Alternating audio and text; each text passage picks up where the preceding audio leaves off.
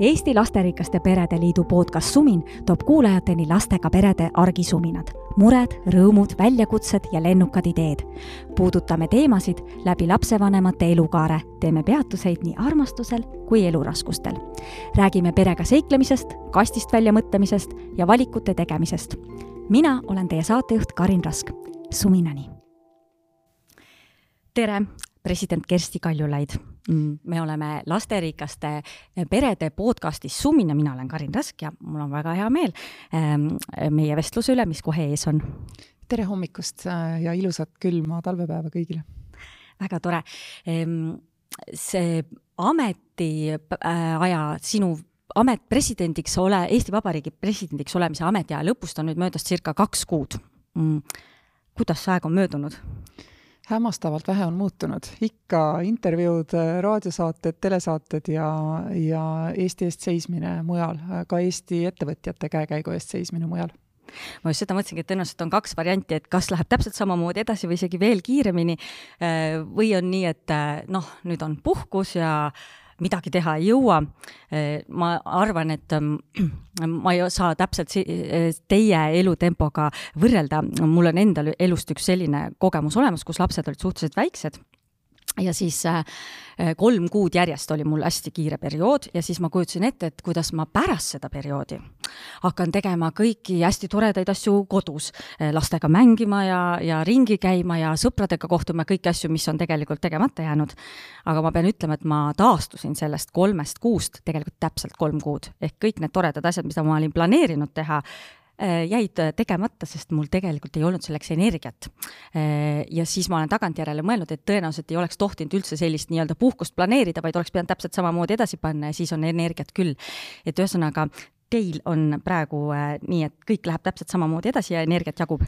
Ma olen ja pigem vist selle strateegia valinud, et ma hakkasin ka mõtlema, et kui minu nooremad lapsed olid hästi väikesed, et siis mul oli ka nagu see idee, et kui nad nüüd enam öösiti üleval ei ole, et kui ma olen nad ära võõrutanud, mis nende mõlema puhul juhtus seal aasta neli kuud, aasta viis kuud, et küll ma siis nagu puhkan ja, ja, ja teen asju teisiti, nii et mul on see tunne, see unistus on hästi tuttav ja see realiseerimatus täpselt samamoodi, sest et ka nende laste kõrvalt ma käisin kogu aeg tööl seal alguses kolm nädalat võib-olla õnnestus viilida rohkem.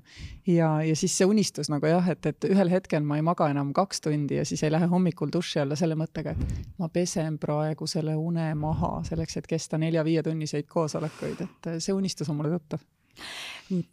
Kas, ma mõtlen, et naispresidendiks olemine, kas, kas see termin üldse on selline termin, mida kuuldes teil tegelikult tõusevad äh, ihukarvad püsti ja tahaks selle tiit-, eestiitli nais sealt ära võtta või ähm, see on, äh, kõlab täiesti tavaliselt teile? Sellel on oma väärtus ja see väärtus on just nimelt see, et Eesti peredes praegu kasvavad lapsed, kes on sellised noh, hilisem lasteaiaiga, varane kooliiga, ei küsi mitte kunagi, et kas mina võin ka saada presidendiks või peaministriks, kui nad on tüdrukud, sellepärast et nad teavad, et igal juhul võib. ja niisugusena on sellel väärtus, aga jah, kõnetusena naispresident, naispeaminister kõlab ju tegelikult sama veidralt, kui kõlaks meespresident, meespeaminister, naisriigikogu esimees, vaata kui ilu, ilusa pika sõna me nagu saame. et selles mõttes mõttes äh, ei maksa üle rõhutada, aga ei maksa alaväärtustada, sellel on oma tähtsus ühiskonna arengus. Kas või seeläbi, et see ei ole mitte see, et nüüd, nüüd siis ongi naised ja mehed võrdsed, vaid see kindlasti tekitab uut äh, elavamat debatti sellel teemal, mis on meeste koht ühiskonnas, mis on naiste koht ühiskonnas. lihtsalt sellist nagu värsket äh, uuenenud, äh, uuenenud arutelu, ma arvan, sellel on ka väärtus ma, ma olen isegi kuulnud sellist lugu, et lasteaias äh, oli see küsimine, küsimine, et kelleks saada tahate ja siis äh, vist üks või kaks tüdrukut ütlesid, et nad tahavad saada presidendiks ja siis üks poiss ütles ka, et ta tahab saada presidendiks ja siis need tüdrukud ütlesid talle, et sina ju ei saa, sa oled poiss.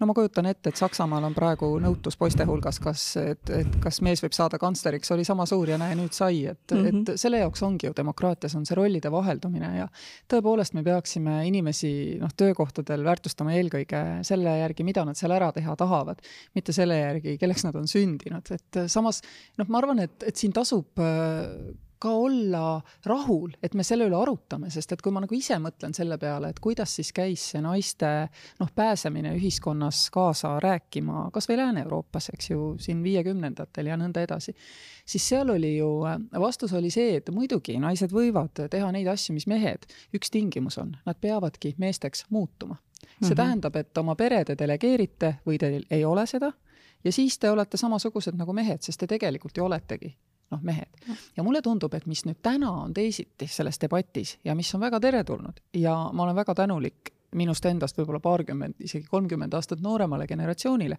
kes näeb seda debatti pigem niimoodi. ma olen naine, ma sünnitan ja mis siis? Ma ikkagi tahan, et ühiskond looks mulle need võrdsed võimalused ja ka minu mees tahab võtta vastutust meie pere ja laste eest ja et teda ühiskonnas selle eest ei diskrimineeritaks. mis me nüüd selle olukorraga teeme? minu meelest on see palju väärtuslikum äh, debati äh, ajamise viis. mul on täpselt sama tunne, et tänapäeva naisena äh, Äh, ma tahan nagu mõlemat, ma ei taha kummastki loobuda, ma tahan, et mul oleks pere ja ma tahan, et oma perega ka aega veeta ja et mul oleks aega laste jaoks ja pere jaoks. ja ma samal ajal, näiteks mina konkreetselt tahan tegeleda oma brändiga, oma näitlejatöid huvitavaid vastu võtta ja see dilemma ongi pigem see tasakaalu hoidmine või see, kuidas need kaalukausid hetkel on. Äh, ja mina ise tunnetan seda hästi tugevalt enda sees. Ähm, et kui läheb ühele poole liiga kaldu, siis ma tegelikult iseenesest kuidagi tõmban, proovin tõmmata ennast keskele tagasi ja kui läheb teisele poole liiga kaldu, ehk et olen seal kodus ja keedan seda püreesuppi ja pesen seda peput kogu aeg, siis ma tõmban ennast jälle ka keskele tagasi. et kas samasugused küsimused on tegelikult teile ka tuttavad iseenda pealt? Ei, tegelikult ei ole mm, -hmm. et, et mina kuulun sellesse põlvkonda, kelle valik oli kas teha kõik või jääda maha tööelus, et meie põlvkonnas ei küsinud mitte keegi seda küsimust, et kuule, kas sa ikka saad hakkama kuidagi, et laps jäi praegu haigeks, et ma olen käinud ka palavikus laps tööl kaasas, tööl mm. -hmm.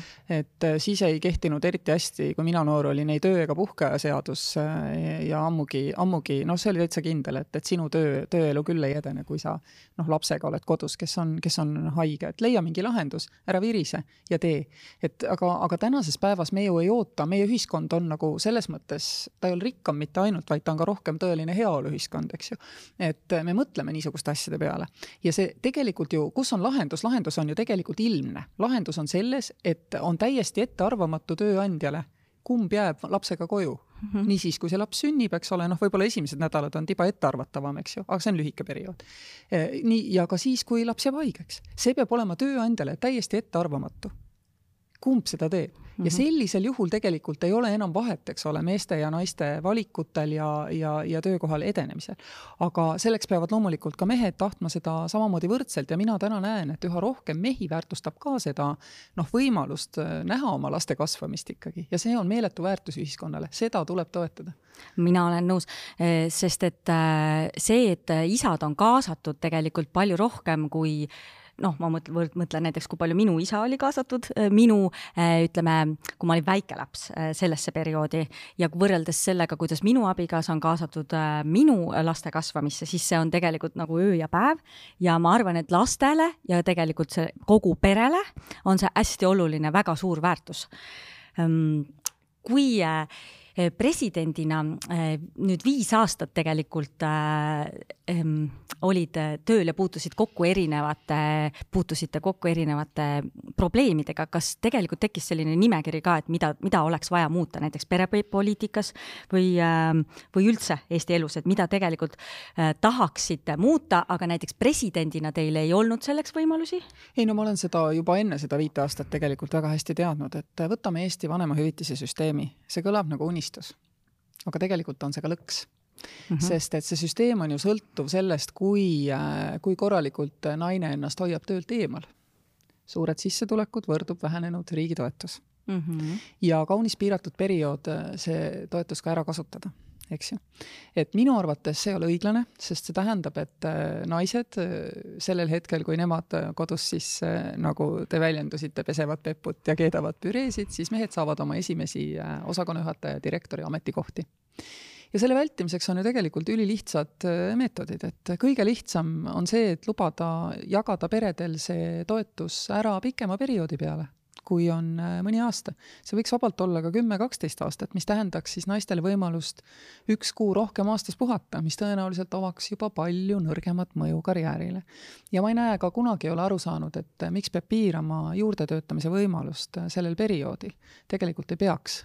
mida rohkem inimene ju riigile makse maksab, seda suurema osa ta maksab ise tagasi ka sellest samast lapsele mõeldud rahast või siis kodus olemiseks mõeldud rahast et see on läinud pehmemaks, see on läinud äh, leebemaks, kui ta algselt kehtestati, aga ta ei ole siiski täiesti vaba. täna ikkagi veel mingil määral on, on kalla, kalle sinnapoole, et äh, naised pigem võiksid olla ikkagi noh, korralikult kodus kaheksateist kuud selle lapsega vähemalt mm. -hmm. on kindlasti niimoodi. no ma olen äh, niimoodi aru saanud, et äh, mis on võib-olla ka tore, et osadel äh, nii-öelda minu tutvusringkonna siis äh, naistel on tekkinud selle aja jooksul äh, plaan karjääri muutuseks. ehk et Eesti toetab äh,, Eestis on väga lihtne alustada väikeettevõtlust ja päris äh, paljudel juhtudel on äh, nais, naisel tekkinud sellel hetkel tõenäoliselt mingi selline tugev äh, tunne, et ta tahab midagi teha äh, ja ta otsib eneseväljendust ja ta alustab väikeettevõtlusega. Äh, mille eest ma tegelikult Eesti riiki väga tunnustan, et see on meil suhteliselt äh, lihtne võrreldes teiste ja. riikidega. aga muidugi ei saa seda kõik inimesed teha, on ju, et äh, täpselt, et see ongi see probleem, et esiteks, kui paljud nendest tegelikult nägid, et äh, tagasipöördumisel nende karjäär on nagunii saanud kannatada, mistõttu on parem minna iseseisvat teed ja teiseks, kõik ei ole seda tüüpi. ja kolmandaks mm, -hmm. paljud inimesed töötavad siiski valdkondades, politsei, pääste, kaitsevägi, õpetajad kus äh, sinu roll on püsida selles, äh, selles riigi poolt äh, ette antud, ütleme, töötaja, töötaja mudelis, et sul ei olegi võimalik näiteks luua oma osaühing ja asuda pakkuma õpetamisteenust, eks ole, või ohvitseriteenust, see ei ole võimalik. ja, ja juba sellepärast ei ole see kättesaadav mitte kõikide erialade esindajatele. teistele jah, vabamatele, vabamates valdkondades muidugi see nii on kas ähm, teie kogemus, äh, teil on suuremad lapsed ja väikesemad lapsed, kas see äh, aeg, äh, kui te saite esimesed lapsed ja kui te saite nüüd teised lapsed kuskil kolmekümnendates, kas need kogemused on erinevad? Mm, kas selle aja jooksul oli aeg nii palju muutunud, et et näiteks just seesama ema palk või lastega koos olemine või see, kas kuidagi tunnetuse järgi oli erinev? ma ei saa võrrelda, sellepärast et äh, minu nooremad lapsed veetsid oma esimest eluaastat Luksemburgis, kus noh, mina töötasin rollis, kus ütleme, ei olnud üldse regulatsioonidega keegi mõelnud ka, et kellelgi võiks kunagi mõni laps sündida Mm -hmm. et me pidime seal ise siis äh, olemasoleva reeglistiku raames äh, noh, vaatama, et kuidas siis inimesed lihtsalt, kellel on vaja olnud näiteks noh, puusaliigest asendada või mõni tõsisem haigus, et kuidas siis on käitutud et umbes nii palju oli siis seal seda manööverdamise ruumi ka minul, nii et äh, minul ei ole olnud seda luksust proovida, kas tänapäeva Eesti on kuidagi teistsugune mm. -hmm. aga mul on tütrel neli last, väga väikeste vahedega, vanuses noh, kuus aastat, neli aastat, kaks aastat, neli kuud. ja tänapäevased kaugtöö võimalused, kui sa juhtud olema nende õnnelike hulgast, kes saavad teha kaugtööd, et noh, tema on andmeanalüütik, tema saab, eks ole, siis need võimalused tõepoolest on läinud paremaks ja ma tegelikult loodan, et kui kogu selle pandeemia nagu värgi juures on üks positiivne aspekt, siis see suurem vastutulelikkus kaugtöö suhtes, see võiks lahendada ära väga palju Eesti eluprobleeme, olgu nad seotud regionaalpoliitikaga või olgu nad seotud ka perepoliitikaga, et, et ma näen, et siin on tegelikult võimalusi küll ja see muudab asja, asja päris palju nõustun, kas perepoliitikas on veel mingeid asju peale selle vanemahüvitise äh, muutuse, mida, mida, mis oleks see, et pakiliselt kohe tahaks muuta? et äh, minu arvates on ebanormaalne, et meie lasteaiad eeldavad, et kõik lapsed on lasteaiast läinud äh, kella, kella viie ajal. et tegelikult oleks ülinormaalne, et lastevanematel on võimalik ja lasteaed toetab paindlikku töötamist ka selles mõttes, et võib-olla see vanem saaks tulla nagu, tuua selle lapse hiljem aga tulla talle ka järele kell üheksa või kell kümme õhtul ja mõnikord on lapsevanemal vaja olla ka komandeeringus. meil on väga palju ka üksikvanemaid, kelle karjääri peatabki see, et nad on üksikvanemad, sest neil ei ole lihtsalt võimalik minna komandeeringusse, kui ei ole ütleme, vanavanemaid või kedagi ei ole käepärast. minu meelest peaks olema igas linnas piisav arv selliseid ööpäeva-lasteaiakohti.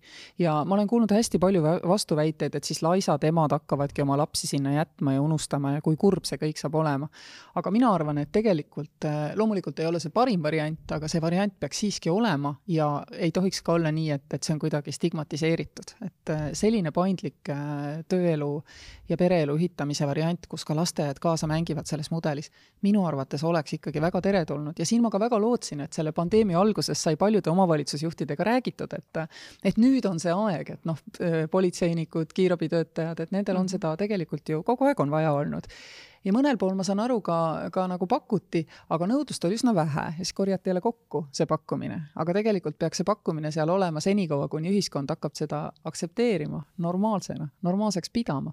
ja loomulikult võib juhtuda, et sealt tuleb välja, et mõnes peres on sügavad probleemid üleüldse aga ma arvan, et kui noh, tõepoolest mõni inimene unustab oma lapse sinna lasteaeda, siis ongi väga hea, et me saame teada, et selles kodus ilmselt ongi probleeme ja me saame siis äh, läbi äh, lastekaitse või, või noorsootöötajate aidata neid inimesi meie me,, meil oli selline kogemus lasteaiaga, kes omal initsiatiivil tegelikult pakkus sellist veidi vabamat äh, munitsipaallasteaed küll, aga vabamat lähenemist. Ehk et võiski viia veidi hiljem ja lasteaed oligi lahti, noh, mitte võib-olla nüüd päris vist seitsmeni oli, et võis minna ka seitse, aga et võis viia ka näiteks kell üksteist, ehk et ähm, äh, kui on ju erinevaid ameteid, et tänapäeval ju väga paljud ametid äh, lisaks ka nendele noh, politseinikud ja kiirabitöötajad ne,, nemadki täitsa kindlasti, aga ka äh, ütleme, lihtsalt on ka ameteid, kus ei hakka tööpäev kell kaheksa või kell üheksa ja ei lõpe kell viis, täpselt ja. nii on ju, vaid noh, vahel näitlejatel hakkab proov kell üksteist ja siis ei olegi väga palju varem vaja viia. et äh, me, mina, meie kasutasime küll tegelikult seda hilisemat viimist ja hilisemat äratoomist. jaa, aga kui ma vaatan ka, mul on palju sõpru, kes töötavad vahetustega no just. päästes politseis, eks ole, vahetus on nelikümmend kaheksa tundi, järgmine nelikümmend kaheksa tundi on, noh, sel inimesel võib olla vaba, eks ole, ja, ja tal on kindlasti tegelikult on tema noh, elus võimalik teha oma lapsega asju koos väga hästi aga selle vahetuse jooksul, olgu ta kakskümmend neli tundi või kuidas iganes, eks ole mm, -hmm. peab ka olema see laps ju turvalises kohas ja hoitud. ja mitte midagi ei ole valesti, kui sellisel juhul tuleb appi ka lastehoid, kui ei ole vanavanemaid või kui on tegemist üksikvanematega. see oleks ju täiesti, täiesti normaalne jaa, sest ma arvan, mulle ka tundub, et Eestis äh, see vanavanemate kasutamine on nüüd ähm, natukene võib-olla vähem, kui oli seda tavaliselt, ütleme nii-öelda minu lapsepõlves, kus muid variante tõenäoliselt ei olnudki. aga praegusel hetkel on kaks äh, küsimust, et kas vanavanemad võivad elada väga kaugel teises Eesti otsas, kuhu jõutaksegi väga vähe, nad ei saa niimoodi igapäevases äh, abis olla üldse kohal või siis äh, vanavanemad elavad ähm, ju väga aktiivset elu, võivad olla näiteks presidendid või, või lihtsalt neil on kiire ja nad on palju tööd ja samamoodi välislähetused või asjad, ehk et, et sellist asja nagu no võib-olla oli kolmkümmend aastat või nelikümmend aastat või viiskümmend aastat tagasi, et vanavanemad olid sul kogu aeg ilusasti kodus ja käepärast võtta ja hoidsidki, eh, memm hoidis last eh, hommikust õhtuni või, või, või õhtuti või ööd, ööd läbi, et seda on palju vähem, ehk tegelikult selline mujalt tulev abi, nagu lapsehoidjad või lapsehoid või lasteaiad, on tõenäoliselt rohkem teretulnud, ehk see, et see tugivõrgustik saaks olla suurem. lapsehoiuteenus muidugi, lapsehoidjad koju kutsuda on, on üsna kallis, nii mm -hmm. nagu mhm. kõik need toetavad teenused, eks, eks ole, on, et mul just tütar ütles mu mehele, et sa võtsid praegu kolmkümmend kaheksa minutit maigit, et sa teenisid, ma ei mäleta, seitseteist või kaheksateist eurot sellega. ehk et muidugi vanavanemad aitavad, et minu lapselastel on kolm töötavat vanaema mm. -hmm ja noh, tühja meist kasu on tegelikult, et ma arvan jah, et, et naiste seda võrdsemat rolli tööturul või ka lastega meeste, ütleme siis perede, üleüldse tegelikult me ei peaks rääkima naistest, see ei ole naiste mure, see on mm -hmm. perede mure. et, et ütleme, noortel peredel kellelgi ei tekiks eh, probleeme sellega, et samal ajal saaks ka oma tööasja edasi ajada, nii nagu sa oled sellestki unistanud, ja sa julgeksid sinna kõrvale saada ka mõned lapsed, oleks hästi palju abi, kui tegelikult see lapsehoiuteenus, lasteaiateenus institutsioonina osaleks siis nii-öelda jah, nii nagu me vanasti kindlasti seda eeldasime vanaemadelt ja vanavanaemadelt, kes elasid ju ka kodus. või noh, pered elasid mitu põlvkonda koos, tänapäeval kohtab seda palju vähem äh, minu järgmisele küsimusele me tegelikult oleme juba vastanud, aga kas on midagi äh, veel, äh, mis saaks olla just selle pereelu ja tööelu ühildamise juures, et me rääkisime nüüd täpselt nendest asjadest tegelikult, aga kas veel midagi saaks olla täpselt sellist, et naiste karjäär ei katkeks mm,? no ma, ma, mina ise arvan seda, et äh, üks oluline asi ongi see, et Eesti mees äh, jääb pigem uhkelt oma lapsega täna, tänapäeval koju, et see ei ole kuidagi enam äh, ka kuidagi stigmatiseeritud või, või selline, et imelik, vaid pigem vastupidi, et kui mänguväljakul käia, siis päevasel ajal isad lastega on pigem isegi levinum vaatepilt, oleneb mänguväljakust tõenäoliselt ka, kus kandis sa satud olema. aga et see on täiesti. kalamajas praegu. ja me oleme kalamajas, jah, just, et siis mänguväljakul isasid lastega kohata on täiesti tavapärane nähtus, tõenäoliselt ei pruugi see igal pool nii olla aga et vaikselt ta liigub, ma arvan, sinna suunda, et isad kodus, emad kodus äh, saab seda vaheldada pool aastat üks, pool aastat äh, teine. et mulle tundub, et see süsteem iseenesest on tegelikult ju hea. jaa, see, et tohib vaheldada, on hea, aga, aga ma arvan, et, et see paindlikkus selles süsteemis, et ei peaks kogu seda, äh, seda, seda lapsega kodus olemise ressurssi kiiresti ära kasutama mm. -hmm. paindlikum vanemahüvitis, paindlikum lapsehoiusüsteem ja lähenemine, et see tõepoolest on sooneutraalne, mehed ja naised osalevad selles süsteemis ühtemoodi, need on, need on äärmiselt olulised. Ja siis võtab ka veel aega, et eks ole, kasvada nagu ühiskonnana, et, et see oleks kõik paljudele ühiskonnas siin äh, vastuvõetav, et, et need on kõige, kõige tähtsamad, aga üks element on veel, üks hästi oluline element. ja see on meie tööandjad nutikamad nendest, ma mäletan, et üks pangajuht, pole kooskõlastanud, ei ütle, kes, aga, aga üks pangajuht ütles, et ta võtab väga hea meelega tööle inimesi nii mujalt kui Tallinnast ja siis kaugtööle, et nad juba mitu aastat ei pane juurde seda silti, et kus töökoht on. ja teine asi, et on ammendamatu tööjõuallikas, on väikeste lastega naised ja siis ütleme, pensionieelikud või lausa varases pensionieas naised, sest neid mitte keegi tööle ei taha võtta.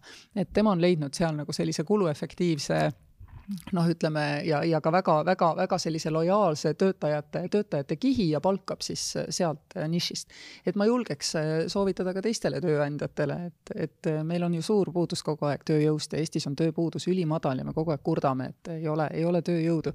et vaadake siis nende, nende, nende servakeste alla, sest et muidugi on see meie, meie naistele ka natuke omane, et me ise ei tule sealt vaiba serva alt välja ja ei ütle, et hei, mina ka siin. ja väga paljud on saanud seda negatiivset tagasisidet minnes töövestlusele, et oi, palju teil neid lapsi on, ega juurde ei tule, eks ole, et noh, ma arvan, et, et paljud naised on paraku kuulnud, kuulnud kas neid küsimusi või näinud silmadest, et neid, neid mõtteid mõeldakse sest tegelikult seda küsimust vist küsida ei tohi, mulle tundub. see ei tähenda, et seda ei küsitaks mm -hmm. reaalselt tegelikult ikkagi, et see on nagu selline, ma tean, et ma ei tohi seda küsida, aga kuidas teil see lastega see majandamine on korraldatud, eks ole. aga on ka väga toredaid tööandjaid, kes aktsepteerivad nii seda kaugtööd kui seda, et vanaemasid ei ole tänapäeval olemas ja ikkagi palkavad, nii et eh, ma arvan, et, et need tööandjad on ka konkurentsis, jäävad paremini ellu mm. -hmm ma mõtlen seda, et, et naistel on tegelikult noh, võrreldes siin jälle võib-olla kolmekümne, neljakümne aastaga, on asjad, eks ole, liikunud ju paremuse suunas, et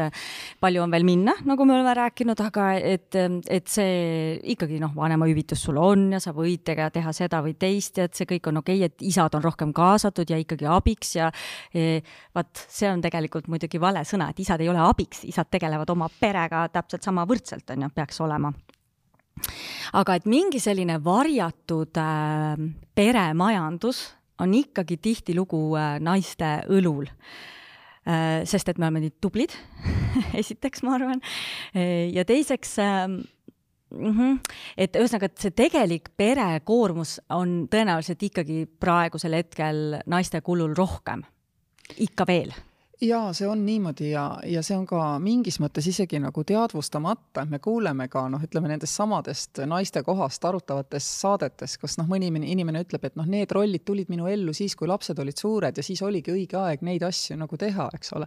et, et see on tegelikult teadvustamata selline, selline see kallutatus, mis on ka meis endis, naistes endis täiesti, täiesti olemas ja, ja mitte ainult meis, see on globaalselt näha, see on uskumatu, aga see paistab globaalselt statistikast välja, et näiteks kui see pandeemia värk nüüd lahti läks, siis äh, kõikides, ka maailma kõige-kõige arenenumates äh, feministlikuma välispoliitikaga ja nõnda edasi ja nõnda edasi riikides juhtus see, et naised kandsid seda kodust koormat, lastega tegelemist rohkem, söögi tegemist rohkem, see juhtus absoluutselt igal pool. üks mu äh, ühe, ühe konverentsi moderaator, mäletagi, kus see nüüd täpselt oli, aga paar nädalat tagasi, tema on gei ta ütles, et meil oli täitsa jama peres, et noh, meil ei olnud seda loomulikku poolt nagu, kes peaks selle asja üle võtma, on ju. et võttis niimoodi kokku mm. -hmm. ja see on statistiliselt näha üle kogu maailma, et, et see, et ikkagi sellises olukorras, kui on nagu mingi jama seal kodus ja lastega, siis on need naised, kes võtavad selle, selle rolli automaatselt peaaegu. ja see näitab, et äh, me ei ole, me ei ole, ei ole teistsugused. ma ei tea, kas me nagu lõplikult saamegi olla teistsugused, aga ma arvan, et me peame iga kord, kui mõni naine leiab siin ühiskonnas, et ta tahab teha seda kõike, me peame teda igal juhul nagu toetama, eks ole, me ei pea sundima ju jumala eest kõiki naisi võtma ühiskonnas aktiivseid rolli või minema tööle, eks ole, imiku kõrvalt, eks ju. aga kui mõni naine seda teeb, siis talle peab olema loodud äh, selleks võimalused. Kas see on kuidagi Eesti naiste teema veel eraldi, et äh, et on see ju selline ka kuidagi meil kujutelm, et meie oleme veel kuidagi erakordselt tublid võrreldes teiste naistega mujal riikides või, või tegelikult on see globaalne, nagu te just ütlesite? Noh, kui me võrdleme, siis Eestis on veel sündivus suurem kui näiteks Lõuna-Koreas, eks ole. et, et seal on antud veel rohkem ära seda ja tuldud tööturule siis selle hinnaga, et, et, et noh, et hakkan siis nagu meheks, eks ole. et Eesti sündivusnäitajad ei ole ju väga-väga halvad, et mis on hästi kummaline, on see, et kui neid vaadata nagu pikas ajas, mul jäi kuskilt silma see statistika, et ükskõik, mis on olnud riigi kord või riigi noh, meetmed selleks, et lapsi sünniks rohkem, siis kui sa vaatad nüüd neid kohorte, kes siis jõuavad neljakümne viienda eluaastani ehk tõenäoliselt selles vallas on nagu töö, töö on tehtud, siis see on üsna stabiilselt seal noh, ikkagi tiba alla kahe lapse seal mingi üks koma kuus millegagi, üks koma kaheksa, selles vahemikus see, see sündivus kogu aeg püsib, ta ei tule sellest välja, ükskõik millised on nagu meetmed. ja see ei ole taastootmiseks, eks ole, piisav, aga ta ei ole ka väga madal, et ta on mhm. täiesti, täiesti, ma arvan, täna, tänases maailmas aktsepteeritav näitaja. nii et noh, neid näitajaid vaadates me oleme jah, nagu tublid küll, eks ju, ikkagi veel mm. -hmm. kas, äh, no me ju tegelikult ju ei noh, sellist soovi ju ei olegi, et naine peaks olema mees, on ju, et me ju tahamegi seda, et naine saaks hakkama kõigega ja et me üldse ei peakski rääkima, et naine no, tegelikult me mees. tahame seda, et noor pere, kellel on väikesed lapsed, saaks võrdselt hakkama ühiskonnas kõikide, kõikide teiste ütleme, peremudelitega, kus kas lapsi ei ole, nad ei ole parasjagu väikesed või siis peret ei ole üksikud inimesed, et ma arvan, me tahame, et nad kõik nagu mhm. tunneksid ennast toetatuna, et kõik seesama jutt lapsehoiu paindlikkusest ja, ja, ja tööandja vastutulelikkusest, no see, see kehtib ka meeste kohta. et, et noh, mul on see näide ka olemas, kus, kus ma olen kuulnud, et üks tööandja ütles, kui mees jäi lapsega koju, ütles, et noh, et, et seda enam siis ei juhtuks, see oli esimesega. juhtus ikka, aga, aga rohkem ei ole seda kommentaari kuulda olnud, eks ju. aga, aga selles mõttes me, ma arvan jah, me peaks tulema välja sellest, et naiste probleem on see, see on ikkagi pere probleem, kuidas teha nii, et inimesed tahaksid saada lapsi ja et nad ei peaks samal ajal ära andma midagi noh, ütleme oma, oma muus arenguvõimaluses, olgu see materiaalne, olgu see emotsionaalne, noh, karjääri arendamise, arendamise mõttes ja mudelis, et inimestel ju, noortel inimestel on unistusi ja need on alati alati mitmes suunas. ja võimalus neid realiseerida nii, et ka lapsed sinna mudelisse mahuvad, et noh, see on kõigi huvides, see on nii inimeste enda vaimse tervise huvides, ma arvan ka, sest et noh, loobumine laste saamisest selle, selleks, et ehitada üles oma äriimpeerium, ei ole ju ka kindlasti vaimse tervise seisukohast kuigi tulus. mina ei oleks ühelgi juhul sellega nõus, et noh, minu baas on alati olnud see, et mina teen oma tööd selleks, et endale oma lapsi lubada. et, et see on see, aga, aga see ongi tähendanud ka seda, et, et ma pean nagu siis tegema ju noh, mõlemad pooled ära, sest muidu ma ei saa tegelikult endale oma lapsi lubada. ma pean ühe isikliku küsimuse siia vahele korraks küsima, et me rääkisime sellest, et kui oli pandeemia aeg, et siis enamasti jäi kõik kodudes ikkagi naiste õlule see distantsõppe korraldamine ja kust tulevad need toidud ja kõik kõik selline asi, et kuidas teil oli? meil oli ammu see kõik mehe õlul. et, et lihtsalt see minu amet praegune, aga tegelikult ka Euroopa Kontrollikojas, kus üksjagu oli ka reisimist, reisimist sees ja nii edasi, siis meie pere on teinud äh, nagu sellise, sellise valiku sellest ajast, kui minu noorim poeg sündis, kui sündis minu kolmas laps, siis veel minu ema jaksas äh, temaga tegeleda. aga siis, kui neljas laps sündis, ei olnud emal noh, nende kahe väikesega kindlasti enam võimalik tegeleda. ja me tegime selle valiku, see valik tulenes tollel hetkel lihtsalt noh, see oli materiaalselt mõistlik, ma olin väga palju kõrgema palgaga, sest ma töötasin äh, Luksemburgis Euroopa Kontrollikojas ja siis, kui me tagasi tulime, siis äh, sai minust Eesti Vabariigi president, mistõttu tundus praktiline selle elukorraldusega jätkata. ja peale selle mina käisin ikka kontoris tööl ka selle koroona aja, et maja oli küll tühi, aga tagamaks selle, et on adekvaatne taustapilt ja adekvaatsed taustahelid kõigil nendel üle maailma levivates videopiltides, jah, siis -hmm. siis, siis mina käisin ikkagi ikkagi ka tööl mm. -hmm. selge, no tundub mõistlik. kas ähm, Luksemburgis elasite te kokku tegelikult kümme aastat? kaksteist. kaksteist. nii et väikesemad lapsed äh, sündisid ja elasid seal? no sündinud tehniliselt on nad Tallinnas, ma usaldan Eesti meditsiinisüsteemi, on väga hea meditsiinisüsteem ja Eesti on parim koht maailmas, kus sündida, turvalisim koht imikutele ja emadele, nagu me teame. WHO andmed jällegi mm. -hmm. aga jah, nad on sõimes käinud, lasteaias käinud ja algkoolis käinud seal. kuidas nendel oli äh, kohanemine, kui nad tulid tagasi Eestisse, nad olid ju terve elu elanud mujal, kuidas see läks? mõlemal oli probleemi sellega, et Eesti kool on lärmakas et Eesti koolis lapsed eh, noh, jooksevad ja, ja hõikavad valjuhäälselt. Nende koolis oli selline süsteem, et kooli koridorides kõnnitakse, räägitakse malbe häälega. lärmamiseks on meil koolihoov. et see oli neile hästi harjumatu ja tegelikult oli ka muid, muid asju, kas või see, kuidas eestlased pööravad kogu aeg tähelepanu inimeste rahvusele ja rassile et, et noh, selles mõttes oli, oli neile nagu huvitav, et miks see oli huvitav, neil on setu nimi ja väiksem siis üks päev tuligi koolist, küsis, et emme, miks on Eestis halb olla venelane? kust sa võtad seda, Kaspar? siis et noh, kõik küsivad, et oled sa ja ma ütlen ei, mul on, isa on lihtsalt setu. siis kõik ütlevad, jumal tänatud. et nagu, mis värk on, eks ole ja, ja samasuguseid noh, et inimesed üldse panevad tähele, et teistel on teistsugune nimi, nemad tulid keskkonnast, kes mõne nimi oli Tšakaile ja mõne, mõne nimi oli Tiffen ja kõik elasid nende nimedega ja mitte kedagi huvitanud, eks ole, et noh, mis see, oli huvitav, et kuhu sa koolivaheajaks sõidad, kus sinu vanaema elab, on ju, et noh, elab ta Lissabonis või elab ta Tallinnas, eks ole, aga, aga nagu see, et, et ka mingi nimi kõlab võõrapäraselt, et see oli nende jaoks täiesti nagu mis mõttes, nimi kõlab nagu nimi kõlab, eks ole. ja, ja noh, sama, sama juhtum muidugi ka kõige sellega, mis on seotud rassiga, et et see, kui palju on eestlaste hulgas sellist noh, lihtsalt sellist noh, käepärast rassismi lihtsalt öeldakse ühte-teist, et seda, seda nad panid rohkem tähele, palju rohkem kui näiteks mina ise, sest noh, mina ise ka, ma olen Eestis kasvanud, eks ole, ja ja ikka on tehtud sedasamustki nalja ja, ja kõike muud N-tähega, eks ole, ja muud ja, ja ma ei pane seda niimoodi tähele, sest et ma tean, et väga paljud inimesed tõepoolest ei mõtlegi seda siin halvasti. aga noh, sealt siia tulles oli see nende jaoks kõige suurem kontrast oligi see väga huvitav.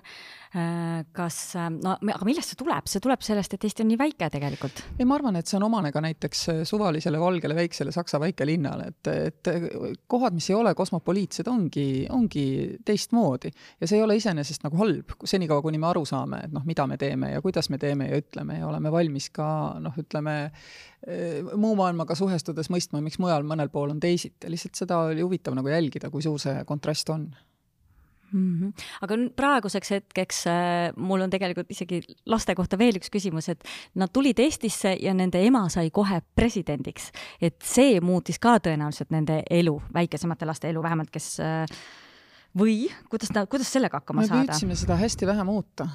me jäime koju Nõmmele, sest nende trennid, koolid, kõik ju, me olime ju, tegelikult nemad olid ka tulnud just nimelt, see, nad olid olnud siin viis nädalat koolis, kui see kõik nagu juhtus, eks ole mm. -hmm. keset kohanemisperioodi ja, ja ma tegelikult noh, ma arvan, ma jään elu lõpuni nagu vabandama oma nooremate laste ees, et ma seda neile tegin või et see nendega nagu juhtus, sest et see kindlasti oli, oli nagu päris, päris raju et äh, keegi ei mõtle seda halvasti, kui klassi tuleb laps ja siis kõik kisavad, presidendi poeg tuli. aga see laps sellel hetkel tunneb ennast halvasti, suure tõenäosusega. et äh, nii lihtsalt on, kui ta ei ole selline, kes naudib sellist, sellist avalikku tähelepanu, minu omad ei ole. et neil oli väga-väga keeruline seda üle elada ja, ja noh, tänase päevani ega ega ütleme, poes ja kuskil nagu käimiseks nagu nad ikkagi eelistavad nagu isaga koos liikuda, mitte minuga või siis oma pead, et ja nad on hästi-hästi tundlikud selles osas, et kui ma küsin, et aitan sul seda nagu teha, ma ei tea, kuhugi helistada, midagi ära lahendada, siis mu kuueteistaastane kohe ei, sest see oled sina et noh, ütleme, kui ma oleks lihtsalt normaalne ema mm, -hmm. siis mhm. noh, see ei oleks, aga, aga, aga vältimaks vähimaidki süüdistusi nepotismis, nad nagu hästi tõrjuv on nagu ise laps selles osas, et ära roni minu maailma. et, et seda on hästi palju tegelikult ja, ja ma arvan, et see tegelikult on nagu hea, et neil on see, see suhtumine. et mina olen ikkagi mina, sõltumata sellest, kes mu ema on, et ma ei ole oma ema poeg igas, igas selle, selles minutis, mis ma siin Eestis veedan aga kui raske on olnud eraelu tegelikult hoida pigem varjus, et tõenäoliselt on ju olnud äh, noh, suur huvi tegelikult, et kuidas te seal olete ja mis, äh, ma ei tea, kasvõi mis vorsti te hommikuks sööte ja kõik nii ja kus lapsed trennis käivad ja ma kujutan ette, et selline tung eraelu vastu äh, huvi tundvatel ajakirjanikel on olnud suur. oli ja ma arvan, neid solvunuid oli palju alguses, kes äh, seda ei mõistnud, aga põhiseadus ütleb, et Eesti Vabariigil on president, meil ei valita isegi mitte presidendi paari mm. -hmm. ja ma arvan, et iga president ja tema pere peavad saama ise arutada ja otsustada, kuidas nad seda rolli täidavad, et, et kui me mõtleme, siis ka näiteks Helle Meri ju tegelikult oli ju üsnagi, üsnagi, üsnagi varjus intervjuud, mida me temaga mäletame, valdavalt pärinevad hoopis hilisemast ajast, eks ole, et, et, et minu pere valis ka äh, selle viisi olla, olla varjus. ja iga pere saab selle valiku ise teha ja ma väga julgustan kõiki presidentide peresid, lapsi ja lapselapsi ja mitu põlve edasi, äh, tegema selle valiku ise ja jääma enda valikule, nii nagu sinu süda tunneb äh, kindlaks, see just täpselt ongi see õige valik mm. -hmm. Äh, nii. Kas on midagi väga tähtsat, mida ma olen jätnud küsimata? ma arvan, et me võiks natuke rääkida ka sellest, kuidas meie noored pered näevad üleüldse meie nagu haridust ja hariduse kujunemist, et nüüd, kui me ise kõik oleme teinud distantstööd, paljud meist unistavadki sellest, et minna oma korda tehtud maakodusse ja jäädagi sinna nagu pikemaks ajaks, siis meie tegelikult haridussüsteem ju ei ole selle noh, ütleme vanematele võimaliku paindlikkusega nagu täna kaasa tulnud, et, et ma arvan, et me peaks rääkima päris palju sellest üleilmakoolist et äh, meil on see õnneks olemas, selline kontseptsioon nagu üleilmakool, kus Eesti lapsed, kes on mujal, saavad tegelikult terminoloogiat ja mingisuguseid materjale, meil on ka koole, tihti on need väiksemate omavalitsuste koolid, kes hoiavad oma, oma õpilaste arvu niimoodi viisaka, kes aktsepteerivad välismaalt õppivaid lapsi, kes ongi siis koduõppel ja, või siis permanentselt distantsõppel, eks ole, neile võimaldataksegi sellist õppimise viisi. et ma arvan, et me peaksime oma kooli muutma väga-väga palju paindlikumaks, et miks peab ühel lapsel olema üks kool, kui tema vanemad elavad võib-olla mõned kuud aastast Tallinnas, aga ülejäänud osa aastast kusagil mujal. et see võimalus osaleda, osaleda mitmeti õppetöös peaks olema nagu palju, palju suurem. ja siin on veel teine mure, lapsed tänapäeval kui nad käivad koolis, ei ole enam, nende teadmised on väga kaugel sellest, et olla lihtne funktsioon vanusest, nagu oli meie põlvkonnal. noh, mõned olid mm -hmm. rohkem lugenud, mõned vähem, aga suures pildis see erisus äh, on noh, ütleme matemaatikas või, või vene keeles või, või füüsikas ei olnud nii suur. ja üks õpetaja sai seetõttu kolmekümmet ühe vanust last õpetada või ka neljakümmet, eks ole. aga nüüd ei saa sellepärast, et laste teadmised on funktsioon nende vanusest ja huvidest, sest internet on tegelikult täis ka väga õpetlikke materjale, seal on väga palju ohte, aga väga paljud noored on ka väga palju asju ära õppinud. et noh, mul kodus näiteks suudetakse päris adekvaatselt kirjeldada, kuidas see SpaceX sinna üles saab ja alla saab, eks ole. ja, ja kui sa siis koolis käid, siis neid kõiki erinevate huvidega lapsi õpetatakse selle ühe programmi järgi. minu meelest peab ikkagi kool muutuma ka selliseks, kus lapsel on erinevad vahendid, mille abil ta saab uurida probleeme, mis on talle jõukohane, mis ei pruugi olla jõukohane tema klassikaaslasele, kellel on omakorda võimalik uurida talle jõukohast probleemi. ja et ühes aines ongi laps vähem huviline, seal on ta mingil baastasemel, teistes ainetes võib ta olla teisel tasemel ja et õpetamine asendub nagu sellise õppimise toetamisega. et selliseid koolimudeleid tegelikult on, neid on, neid on erakoolides, selline koolimudel on programmeerimiskool Jõhvi, mille, mille analoogia on ka Prantsusmaal, mis on noh, küll mõeldud nüüd suurematele kui, kui põhikooli lastele, eks ole. aga minu arust sinna sinna peab meie haridussüsteem nagu nihkuma, sest muidu juhtub meil järjest rohkem seda, et et, et väga paljud lapsed ja siin meie koolisüsteem paistab toetavat pigem nagu tüdrukute jõudmist nende õigete paberiteni kui poiste oma. et nad langevad välja haridussüsteemist või, vähemasti on see koolis käimine nende jaoks nagu piin. et see ei peaks niimoodi olema, et mul on hästi, hästi suur nagu lootus, et meie haridussüsteem suudab selle väljakutse tegelikult ka vastu võtta aga kuidas seda saaks toetada, et haridussüsteem sinna suunda liiguks? no esiteks kokku korjata kõik see hea, mida me õppisime selle pandeemia käigus ja, ja hakata mõtlema ka selle peale, et, et aga miks ei võikski olla need heade õpetajate tunnid salvestistena nagu saada vastavalt sellele kooliprogrammile. et iga laps, kellel jäi tunne, et ma võib-olla ei saanud täna oma õpetajast aru, saab kas või vaadata internetist esialgu kõrvale mõne teise õpetaja. või iga kool, kus näiteks ei ole olnud võimalik leida head aineõpetajat, noh olgu kas või füüsikas, eks ole siis selle aja, kuni nad leiavad, saaks üle elada sellega, et on kohalik koordinaator, aga osaletakse siis video vahendusel mõne teise õpetaja tundides, mõnes päris, päris nagu heas koolis, eks ole. et, et, et luuagi selliseid hübriidseid mudeleid, et aga seda peab väga tahtma teha, me peame kõik noh, tahtma oma lastele seda parimat, et siis, siis see ka juhtub. kas see initsiatiiv peaks tulema nii-öelda kõrgemalt poolt ehk Haridusministeeriumist või peaks see olema äh, selline koolide või ütleme, Äh, noh, näiteks ma tean, et Vormsi on vaata selline väike saarekene on ju, kus ongi kooliga ka hetkel küsimus täpselt see, et kas seal üldse jagub piisavalt ja kuidas seda teha, et äh, noh, palju on niisuguseid väiksemaid koole, et kuidas seda saaks kõige paremini teha, et seal on just ähm, ma tean ka sellised teemad arutlusel olnud, et kuidas, kas me saame võtta mujalt ja kuidas neid õpetajaid, et kõik ju ei jagu täpselt nii, et füüsikaõpetajad sinna Vormsile selle viie lapse pärast äh, tõenäoliselt ei saagi tegelikult, see ei olegi kuidagi ressursile mõistlik, on ju. et kas ei, need ideed, mida teha, need muidugi tulevad äh, tegelikult kogukonnast ja ühiskonnast, aga mis on ministeeriumi roll, on kindlasti öelda, et tehke parimat haridust. me ei mõõda seda mingisuguse noh, etteantud meetrikaga ainult. me tuleme kohale, me vaatame silmade ja südamega ka seda, mida te siin teete. ja isegi, kui sellist mudelit meie määrused ja seadused ette ei näe, siis me oleme valmis neid nagu muutma ja kohandama selleks, et teie nagu see fantastiline algatus saaks selles meie haridusraamistikus töötada.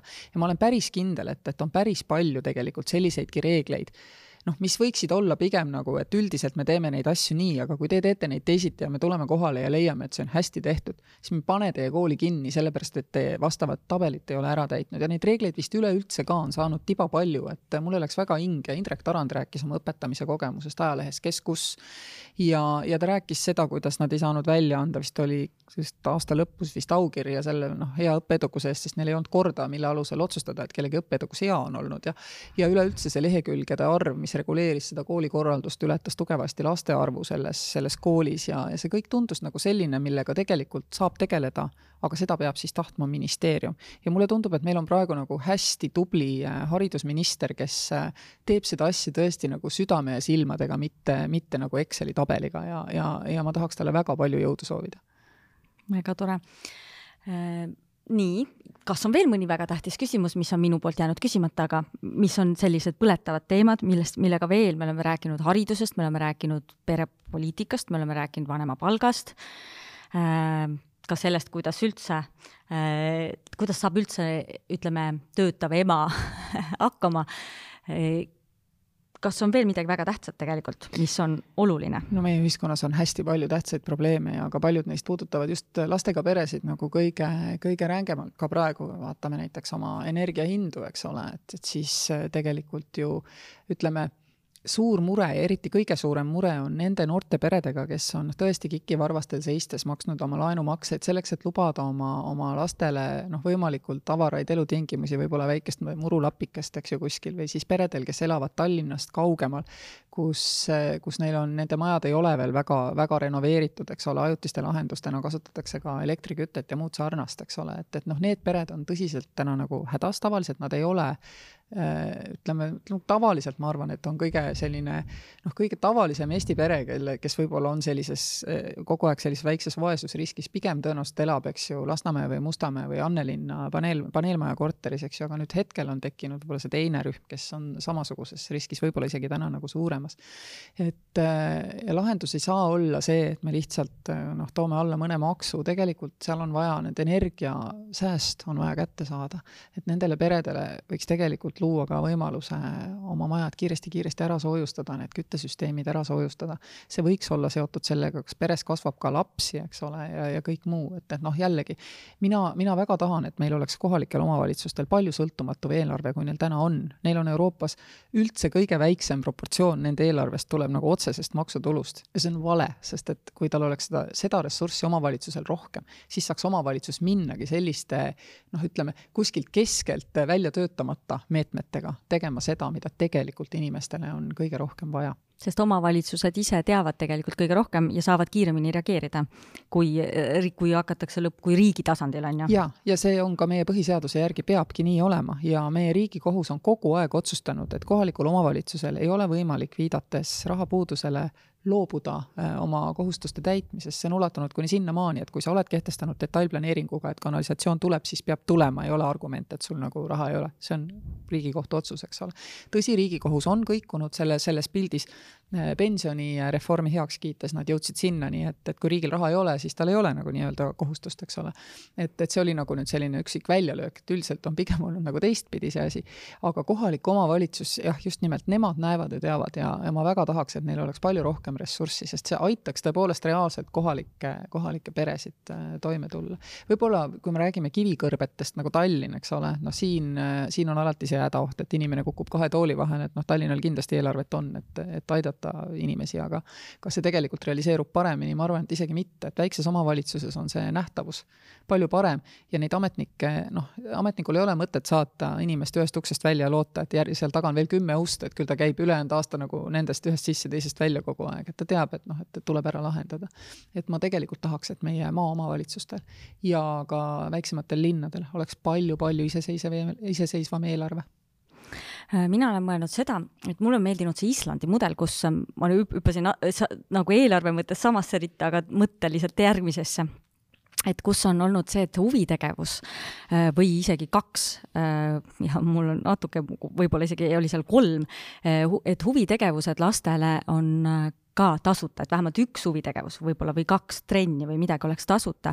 Ja ma arvan, et see on õudselt hea mudel olnud, et mulle on see väga meeldinud, et no väidetavalt see Islandi suur jalgpallimenu on ka sellest tulnud, et kõik lapsed suunati jalgpalli mängima näiteks või midagi muud tegema. ei no enne tuli ehitada jalgpallihallid muidugi.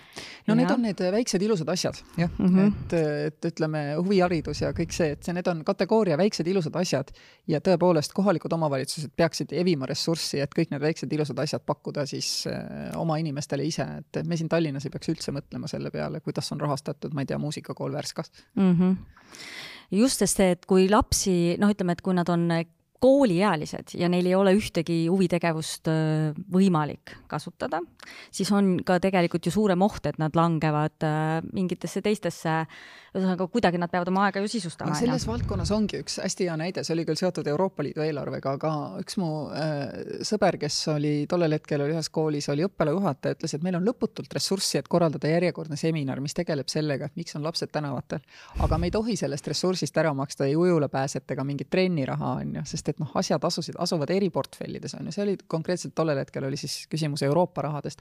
aga teate, kui tihti on meil nagu seda, et kohalik omavalitsus saaks ära lahendada probleemi küll, aga see raha asub nagu rahakotis nagu teises vahemikus, millel on teistsugune silt küljes. ja, ja vot see, seal on Eestis väga palju, ütleme, varjatud ressurssi, et kui kohalikul omavalitsusel ei oleks nii, et iga ministeerium annab talle nagu omaette vahesse mingi raha mingisuguse sildiga, vaid tal oleks oma eelarve, mis palju suuremal määral kujuneks otseselt tema enda maksutuludest siis ta saakski teha piirideta neid väikesi ilusaid asju, eks ole, tõenäoliselt ei korraldaks ühtegi konverentsi, et miks on lapsed tänaval, aga ostaks väga palju tasuta pääsmeid äh, ujulasse ja, ja trennidesse. no loodame, et see siis äh, kuidagimoodi mingil hetkel niimoodi läheb ma täna ei näe, sest et äh, siin on alati see suur elevant toas ja see on seesama Tallinn, kus me praegu istume, äh, mis on hästi arenev ja, ja väga tubli linn tegelikult, aga probleem on selles, et kõik need sammud, mis sa teed omavalitsustele suurema rahakoti andmiseks, veelgi ähvardavad suurendada seda niigi lõhet, mis meil on täna Tallinn sada kolmkümmend viis protsenti Euroopa Liidu keskmisest SKT-st inimese kohta, ülejäänud Eesti viiskümmend viis. jube vahe, et noh, tegelikult saab seda muudatust teha nii, ainult nii, et sa Tallinna paned erirežiimile selles mõttes, et seda vahet nüüd vähendada. ja minu arvates on see ka Tallinna huvides, sellepärast et äh, Tallinn saab oma puhanud äh, töötajad tagasi sügiseti mujalt Eestist. olgem ausad, muu Eesti on oluline ka tallinlasele. meie puhkamisvõimalused, meie siseturismi võimalused, need on meile tähtsad ja tegelikult oleks see loogiline, et, et me mõnevõrra ühtlasemalt oma riiki ka arendame mina tänan minul on palju mõelda. Äh, ma loodan, et äh, ka teil oli inspireeriv vestlus ja loodetavasti äh, siis Eesti riik liigub veel parem, veel rohkem paremuse suunal. jaa, sest et heaoluriik on küsimus sellest, mida me teeme oma, oma jõukusega.